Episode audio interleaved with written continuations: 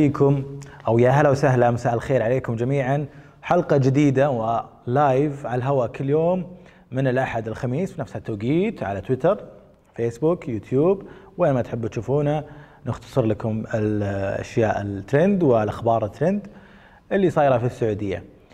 نروح إلى خبرنا الأول. أمس آه، للأسف تم تسجيل أول إصابة داخل السعودية. زي ما الكل عارف أمس كان عاجل في كل مكان.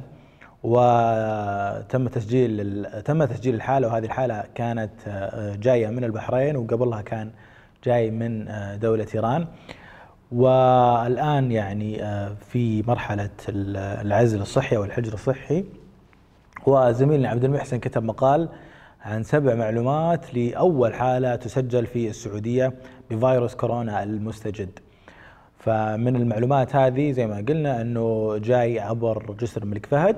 وأنه ما أفصح عن آه، سفرته أو سفره إلى إيران إيران وأنه راح إلى آه، آه، اختلط في زملاء عمله في الدوام وغيرها من الأشياء من المعلومات اللي كتبها في مقالة عبد المحسن نوجه له تحية أحد كتاب لافن سعودي خبرنا الثاني مع إكسبو 2020 اللي راح يصير في دولة الإمارات العربية المتحدة وتحديدا في دبي.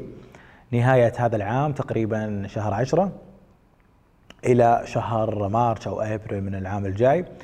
آه، الجناح السعودي المشارك في إكسبو دبي 2020 راح يكون أكبر جناح آه، آه، لدولة أو أكبر جناح دولة مشارك في إكسبو 2020 وتم فتح التسجيل للمتطوعين الراغبين إنهم يكونون في هذا الجناح الكبير.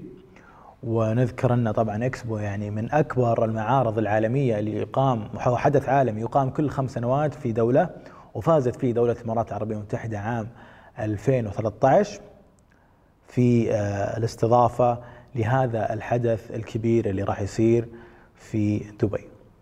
خبرنا الأخير مع فعالية جديدة وراح تصير لأول مرة في الرياض بشكل عام في السعودية فعالية المشي مع الكلاب راح تقام في حي السفارات يوم السبت القادم 7 آه، مارس للي آه، لأصحاب الكلاب واللي محبين هذه الهواية زي ما نسميها أو لأصدقاء الكلاب.